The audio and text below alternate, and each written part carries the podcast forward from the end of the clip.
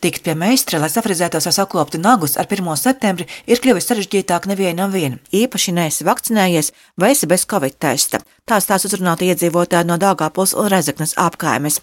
Tagad kādu laiku es paspēju vēl pirms visa praktikuma tikt iekšā. Nu, vispār tas ir sarežģīti, jo pieņemsim kā tādu divgadīgu bērnu aizvest pie friziera. Ne tu viņam pat testu vari sataisīt, ne tu neesi viņu pagaidām taisos vakcinēt. Tāpēc tas ir, ir liela problēma. Mani meistari, kuri man palīdz šajā jomā, ir vakcinēti jau. Tāpēc es neredzu problēmu. Nu, mēs ar kolēģi esam vakcinētas, tāpēc mēs nesaredzam uh, grūtības. Manā skatījumā, nu, varēja viņi ļaut strādāt. Nezinu, būs tās pašas kaut kādas mājas pieņemšanas. Domāju, ka pēlēkā vairāk strādās. Nu, cilvēkiem vajag ģimenes barot noteikti. Viņam kaut kā ir jāpelnā to naudu. Es domāju, ka viņi varbūt tā strādā arī sniedz savus pakalpojumus arī nevakcinētajiem. Nevakcinēti, nevakcinētiem, vakcinēti, vakcinētiem. Kaut kā tā. Šis ir viens no skaistumkopšanas saloniem Dāngāpils centrā. Vadītāja nevēlas runāt oficiāli, taču atklāti stāsta par problēmām. No katra zvana durvīs mēs tagad raustāmies. Durvis salonā slēdzam, pieņemam tikai pārbaudītus klientus. Kase mums, protams, ir atvērta, taču par biznesu to tagad nenosauksi, jo noslodze šobrīd ir vien kādi 20%.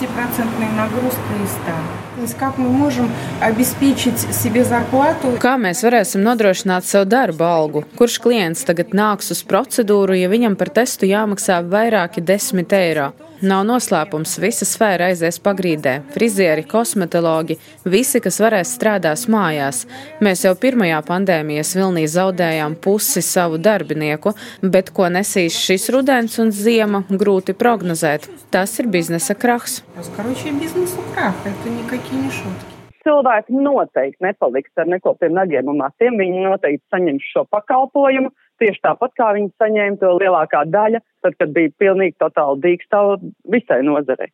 Tikai viņi to saņem, nepiemērotos apstākļos, slepeni, nelegāli un tā tālāk. Pelēkā zona nozare aktualizējas. Problēmas ir Latvijas rādio atklātes stāsta Latvijas skaistumkopšanas speciālistu asociācijas prezidente Sabīne Ulberte. Jā, man zvana stāsta salona īpašnieki. Ir problēma viena pirmā, kad iet prom nevakcinētie meistari. Tas nozīmē uzreiz gan kāda konkrēta uzņēmuma bankrotu, gan paliekās ekonomiskās zonas palielināšanos. Tas ir pilnīgi skaidrs, bet tas nekādā veidā neveicina vakcinācijas aptvēru, kā varbūt kādam gribētos domāt. Kas attiecās uz klientu loku, tad arī šeit, protams, nosacījums nevakcinētajiem nākt ar derīgu testu, nu, atkal izvēle pa naudu uztaisīt testu un vēl pa tādu pašu naudu iet uztaisīt procedūru. Protams, liela daļa izvēlās um, pelēkās zonas pakalpojumus, kas ir lētāk un bez testa. Tāda ir realitāte šobrīd. Tieši likumus ievērojušie saloni un pakalpojumu sniedzēji nonākuši visskarbākajā situācijā, uzsver Sabīne Ulberte. Ja kā mums valdīs pie konkrēta kumulatīvā rādītāja tiks atstāta darboties tikai vienīgi zaļā zona, kas nozīmē vakcinēts pakalpojums sniedzējs, vienalga kur nozara un vakcinēts saņēmējs. Tas automātiski nozīmē, ka pakalpojumu pusē sniedzēji samazinās katastrofāli ienākumu,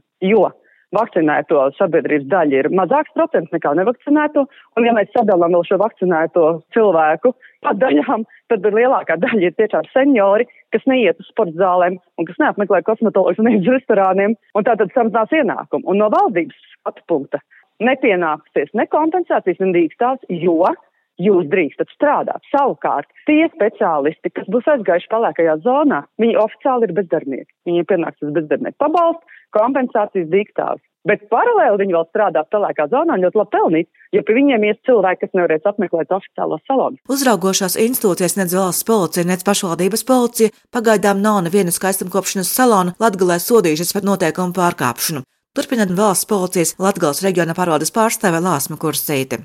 Krusti pārkāpumi nav konstatēti, Un, ja ir tādas nepilnības, šīm iestādēm tiek dots laiks, lai tās novērstu. Labs risinājums, lai nekaitētu nozarei un iedzīvotājiem, šajā situācijā būtu vismaz bezmaksas testi, norāda iedzīvotāji Latgalē.